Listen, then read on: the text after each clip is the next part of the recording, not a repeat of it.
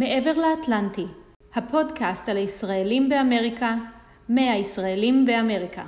עורכים ומגישים גיא רגב ותומר גקלר. ערב טוב, אנחנו כאן בפודקאסט אה, על הישראלים באמריקה. אה, אני תומר גקלר, אני שליח הסוכנות היהודית אה, בברוקלין, ואיתנו דותן גרינוולד וגיא רגב. אנחנו מנסים לפצח פה מיהו הישראלי באמריקה, אה, איש איש וסיפורו, אה, ולכן האורח המכובד שלנו היום הוא פה דותן, אה, ואנחנו ניגש יחד לשיחה. ערב טוב דותן. ערב טוב, שמח להיות פה. בוא ניגש טיפה איפה נולדת שם. Mm. אז אתה יליד איזה שנה, בן כמה אני אתה? בן- נולדתי ב-1983. כן. אמ, קריית ים זה היה מקום מאוד קטן, או לפחות, אה, אתה יודע, בסביבה שלי, אני בטוח שזה, אה, שזה הרבה, הרבה יותר גדול ממה שאני דמיינתי. אמ, הייתי הולך לבית ספר ברגל, הייתי הולך לים ברגל, אה, החברים שלי היו בשכונה, הסתובבתי חופשי, זאת אומרת, דברים שאני כבר לא רואה פה בניו יורק בהחלט, ודווקא אני חושב שזה משהו שכן הייתי רוצה שהילדים שלי כאילו יחוו. קריית ים זה היה מקום של, אה, של אה, מעמד אה, פועלים כזה. כולם עבדו באיזה מפעל מסוים או בחנות מסוימת, החנויות היו קטנות, לא היה, כאילו, קניונים היה, קניון היה רק אחד, הקיריון. לא יודע, בשנות התשעים היינו הולכים, התלהבנו מקניונים, אבל זה לא היה משהו ש... זה לא היה מקומות הבילוי שלנו. היינו מבלים בבית ספר, אחרי, אחרי שהוא... אחרי שעות ה... אחרי שעות הבית ספר. הלימודים, הייתם נשארים אחרי שעות. הלימודים. כן. הכל היה פתוח, או שהיינו מטפסים על הגדר או שזה היה פתוח, והיינו פשוט יושבים שם. והיינו משחקים קלפים או מזמינים פיצה לשם. ו- ו- ובשיחה המקדימה אמ, סיפרת משהו על האווירה הזאת של הילדות שהיא גם, אתה ציינת אותה כאווירה גלילית ורציתי שתמקד רגע ב, בסיפור שעכשיו תיארת על האווירה שכונתית כזאת ישראלית באמת של ה-80's ותחילת ה-90's מי שגדל בארץ יכול מאוד, אני יודע שאני מזדהה איתה למרות שהיא הייתה כמה קילומטרים מרכזה אמ, אבל מה באווירה הזאת בעצם אה, אה, מבסס את אה, תפיסת עולמך שתכף נגיע אליה אה, בהמשך הרעיון? תראה, עכשיו אני גר בניו יורק, וזו עיר שהקשרים החברתיים פה, או שהם בנויים על, על אה, חוגים אה, חברתיים שאתה נוצרים בעולם וירטואלי, או בעבודה, וכדי לחבר אותם אתה לוקח תחבורה ציבורית, בדרך כלל סאבווי, וזה יכול להיות קילומטרים אחד מהשני, ובקריית ים, בקריות, הכל היה קרוב. הבדיחה שהייתה זה כשאמא שלי הייתה מורה, רבע שעה מבלי שהיא תיתקל במישהי או מישהו שהיא מכירה, והם ירצו לדבר איתה על הילד שלהם בבית ספר, והכל היה שכונתי כזה, זאת אומרת, גם לא יכולת לעשות משהו או להיעלם לאיזשהו מקום בלי שמישהו ידע מה אתה עושה. עכשיו, זה לא, לא היה כמו קיבוץ, כי זה עדיין עיר, אבל זה כן. גם לא היה כמו ניו יורק, שמי יודע בכלל מה אתה. אז מה, מה? זה, מה זה יש אומר? פה שכנים שהם בכלל לא יודעים לא שאני קיים. אותם. כן, מה, מה זה אומר? זה מעניין, וזה תיאור מקסים של ישראל של האייטיז, שאני לא. משוכנע שהוא עוד קיים עוד, אני מקווה שכן, אבל אה, הוא קיים, אני לא חושב שהוא רק קיים ב-80's וב-90's, זה, זה עניין נוסטלגי, אני חושב שהוא היה קיים, הוא עדיין קיים במקומות שה, שיש קהילתיות, וזה נכון. זה קריית ים. זאת אומרת, כשאנחנו רצינו לעשות ב, בתנועה, בקן, בקן של נור עובד, רצינו לעשות אה, טקס יום השואה, ורצינו לדעת היסטוריה של, אה, של קריית ים. פשוט הלכנו ל- לאחד מזקני הכפר, זה היה ממש כמו כפר המקום הזה. והוא ישב איתנו ו- וקצת סיפר לנו על השכונה, על, ה- על הקריות והכל, והוא החזיר אותנו 50 שנה אחורה. זה, זה משהו שהיה נגיש. זאת אומרת, המגע האנושי היה נגיש שם, בלתי אמצעי. רעמים וברקים בליל חורף קר. איזה מין זהות או איזה מין אדם התפתחת להיות כתוצאה מה, מהחוויה הזאת, איך זה השפיע על, עוד פעם, על השקפת עולמך המאוחרת או על האדם שאתה היום? וואי, זו שאלה מאוד מאוד גדולה, כי... יש לנו קשה. זמן, אנחנו רק חמישה לחצות, אז קח את הזמן. אין בעיה. אה, אי אפשר ממש להצביע על אה, משהו ספציפי, זה לא, זה לא, אתה יודע, זה לא מרכיב במתכון הזה שאני יכול, אה, הנה, פה רוזמרין, כאילו זה, זה מה שהפך. אבל יש נקודות שאתה יכול להגיד שלמשל, המורים, הכבוד למורים בבית ספר, מה שאני חושב שעדיין, כאילו, אני לוקח אותו מהקריות, זה באמת היכולת של אנשים לעשות דברים אה, מתוך, אה, באמת, מתוך רצון טוב ומתוך פשטות. אני זוכר שכאילו, זה כל מיני דברים קטנים כאלה של, אה, של מחוות כאלה, של, אה, אתה יודע, מימונה, זה פשוט כל הילדים הסתובבו בשכונה ועלו לבתים, כאילו, ברבי קומות, ופשוט הלכו לחברים, ומוזיקה שמעת מכל מקום. זה היה חגיגה, זה בטח מקביל להלואוין פה, כן, אבל אני לא יודע. זה מה ש... זה החוויה שלי, כאילו, מהקריות. זאת אומרת שזו חוויה מאוד קהילתית, אני רגע מצביע על הנקודות, כי אולי זה יעזור לנו ב... לחבר את זה בשיחה אחר כך. אז אתה, אתה אומר שיש פה חוויה מאוד קהילתית, ערבות הדדית, כן? יש ערבות הדדית, אבל כשאני מסתכל, זה לא הכל ורוד. כן, ברור, ברור, ברור. כן, זה לא... אה, יש דברים שאני עכשיו מסתכל אחורה ואני אומר, וואו, כאילו, אם הייתה לי מכונת זמן, כאילו, הי- כאילו זה באמת, היו, היו דברים שעשינו שזה היה ממש חטא למה שאני רוצה, ש- כאילו, לייצוג שאני רוצה היום, כן, כאילו, לערכים שאני מייצג היום, או שואף לייצג היום. אה, היינו, היינו עיר קולטת עלייה, ואוכלוסייה מאוד מאוד גדולה של, אה, בשנות ה-80 של יוצאי אתיופיה, ובשנות ה-90 יוצאי ברית המועצות. כן. ולא היינו כל כך סבלניים אה, לעניין הזה, אבל, והפסדנו, ואני חושב שהפסדנו מזה הרבה, זאת אומרת, מי שכן היה סובלני וספג את התרבות הזאת זכה, אבל עד היום אני לא יודע אמהרית או לא יודע רוסית, כן. כי נס... איפשהו נסגרנו בבועות האלה, אז לא הכל היה ורוד, אבל אני חושב שהיו הרבה מאמצים, אתה יודע, אנשים עשו מה שהם יכלו, כי כמו שאמרתי, זה היה, זה עיר שהיא, של אנשים שפשוט חיים, חיים אה, לא, לא מסובכים מדי, יש את הים, יש את העבודה במפעלים, או העבודה ב- בחנות, פה, שם, ו- וזה זה מרכיב בזהות הישראלית שלך?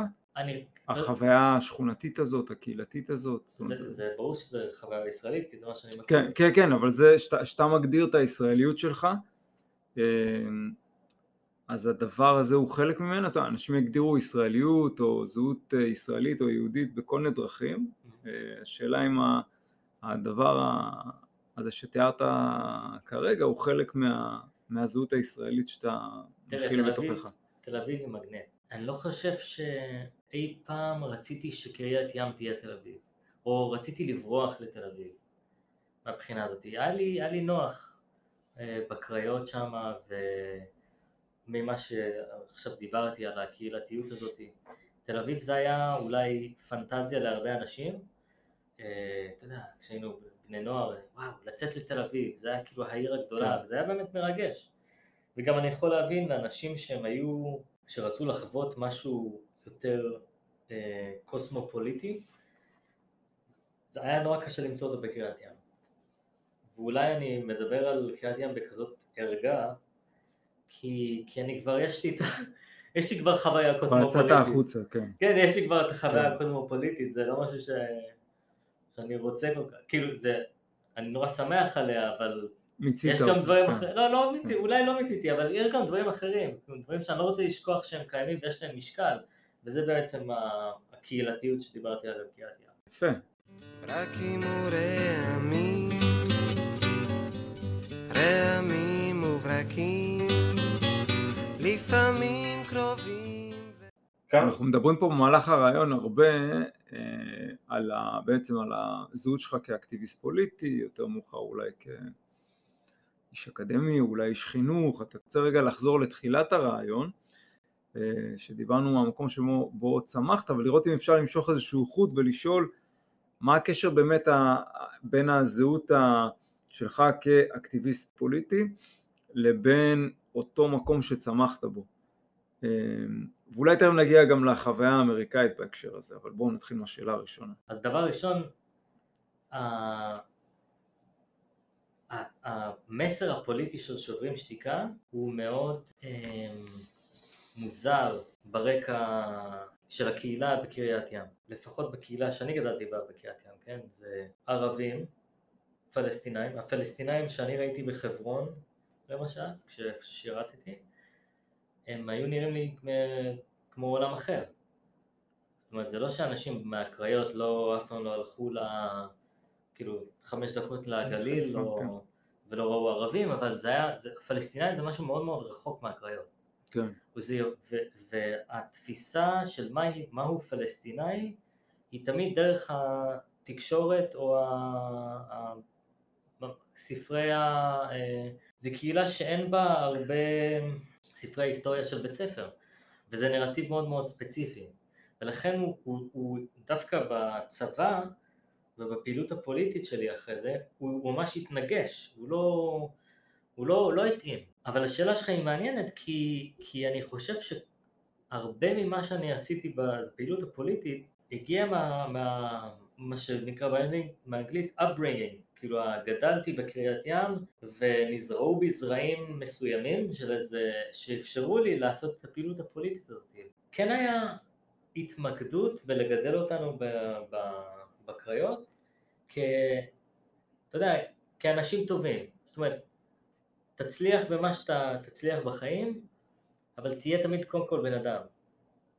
ו, ומה שזה אמר, זה, היה לזה המון המון דברים. אמ, דיברנו על מה זה להיות בן אדם בבית ספר, כשהתעכבנו, אתה יודע, כל אה, סכסוך במגרש כדורגל היה נושא לשיחה, כאילו זה היה יישוב סכסוכים, זה לא משהו שלמדתי באוניברסיטה או באיזה סמינר, אלא זה היה באמת בקהילה. אמ, וזה לא היה משהו שהיית יכול לברוח ממנו, אם היה לך סכסוך, זה מה שהיה צריך להיפטר, כי ככה קהילה פועלת, היא לא יכולה להיות עם סכסוכים אה, לא פתורים. שזה פשרות, שזה סליחות, שזה... להיות בן אדם. רוב הזמן אה, כשהייתי בתיכון, אה, גדלתי בנור עובד ולומד, אז האידיאולוגיה הסוציאליסטית, השיתופית, ציונית, זה משהו שהתעסקתי איתו הרבה. ואז כשזה מגיע לצבא והכל מתנפץ, אתה צריך איפשהו, אז זה משהו שהיה צריך, הייתי צריך לבחור בנקודה, בצומת הזאת, או שמה שהתחנכתי עליו היה שקר, או שזה היה משהו אחר, והייתי צריך להגדיר את המשהו האחר הזה. זה מה, מה הביא אותי לפעילות הפוליטית מתוך, מתוך המקום שלי שגדלתי בו. ומה אני בעצם מביא לשולחן כשאני, כשאני עושה את הפעילות הפוליטית הזאת. ומצאתי שדווקא בכלים שרכשתי בקריות, היו דווקא כלים מאוד מאוד חזקים. רעמים וברקים בלילות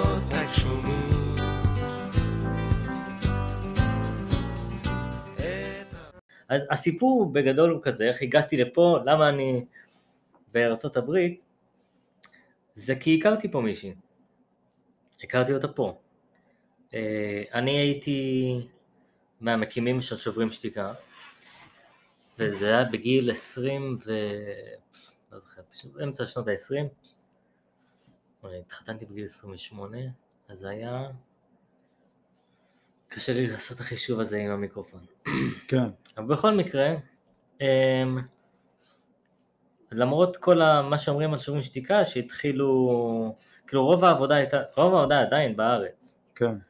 אבל אה, חלק מהפעילות זה, זה באמת להגיע לקהילות בחו"ל, אז הגעתי לפה ב-2006. אה, בתפקיד בעצם? כן, כשליח. כשליח של שוברים שתיקה. שליח שוברים, וחזרתי עוד פעם ב-2008, אה, ושם הכרתי את אשתי, זאת אומרת, זה היה גם אחרי, ה... אחרי כל הסיור שלנו, הייתי פה שבועיים בהרווארד עם התערוכה, היה מאוד אינטנסיבי, מעניין, וביומיים האחרונים הכרתי את אשתי, כאילו, הכרתי מישהי שעומד להיות אשתי, אבל לא ידענו את זה, ושמרנו על קשר.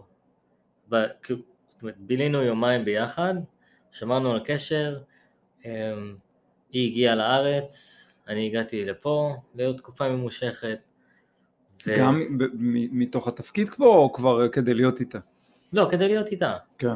אה, ואז החלטנו שצריך לנסות לגור ביחד, ניסינו, חזרתי לארץ כדי להשלים את התואר, כדי לראות אם אני רוצה לגור פה, בארצות הברית, אהבה במקום מסוים, אז כאילו, אוקיי, אל, אל תחשוב יותר מדי על הפרטים, כן. זה יסתדר מעצמו, פחות או יותר. וזה היה קשה לשמור על, אה, על קשר כזה אה, טרנס-אטלנטי. היא התקבלה לאוניברסיטת הרווארד, והצעתי לה נישואים, אז uh, עברנו לגור שם, כי היא באוניברסיטה. כן. אז מפה לשם uh, גם אני עשיתי תואר, אז התחלתי את התואר גם בהיסטוריה, תואר שני בהיסטוריה ב- ישיר בהרווארד? לדוקטורט, לא בהרווארד, אה, בקלארק, Clark University. אוקיי. ואיפה עומד... ותוך בש- כדי התחלנו גם green card, עכשיו כל ה... אוקיי. כי, כי התחתנו, שבמשפט אחד הגעתי לפה בתור פעיל פוליטי למספר הרצאות, ופה פגשתי בחורה מאוד נחמדה, מאוד מיוחדת, ש... שבסוף שמרנו על, שמרנו על קשר כן. וחיזקנו אותו טרנס-אטלנטי. כן. אמ, מאוד היה קשה להגיע לפה, כיוון שגם מה שלמדתי ב... באוניברסיטה וגם המקצוע שלי, מורה דרך, אין לו ממשות פה. אה, אבל זה היה, היה דרוש כדי שהדבר, הקשר הזה יצליח, היה דרוש הקרבה מסוימת. שממש לקפוץ עם, עם בעיניים עצומות לבריכה הזאת. שזה כאילו לא להיות פליט, אני לא, לא הייתי פליט או מהגר או משהו כזה, כן, זה נחיתה די רכה פה, כן. אבל שיגור די כואב משם. זאת כן. אומרת, אה, כאילו באתי בלי כלום. כן, אבל רגע, אני, אני רוצה רגע להתעכב על נקודה אחרת. זאת אומרת, כן. אחד, שהאם הפעילות הפוליטית שלך בשוברים שתיקה, Mm. אחרי שאתה מגיע לפה כבר בשביל האהבה, האם אתה ממשיך אותה באיזשהו אופן, אה, פחות, מרצה, או...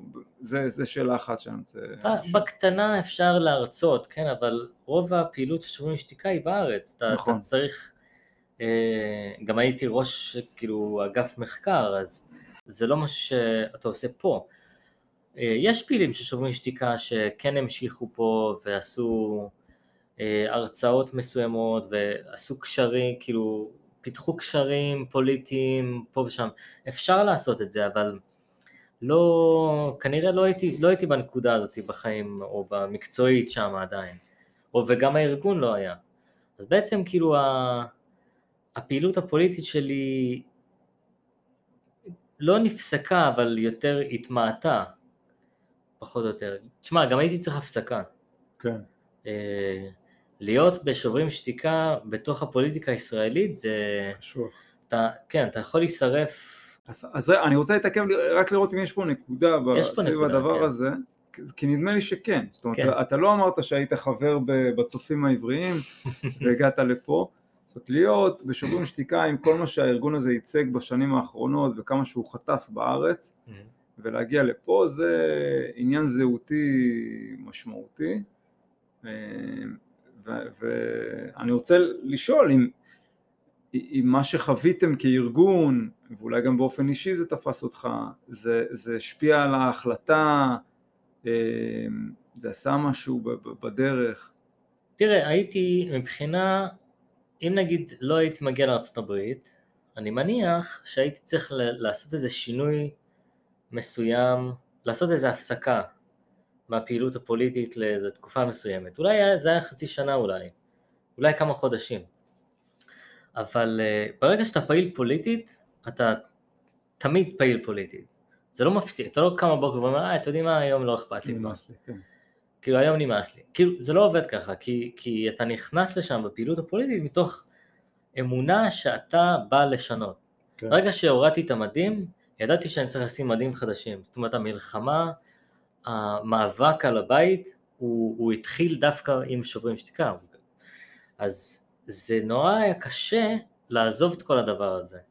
חלש ורם בינוני ורם חזק חזק שלא נעים לשמוע בעיקר מה, מהי הנפש של, של, של ישראלי שחי בצורה כזאת באמריקה?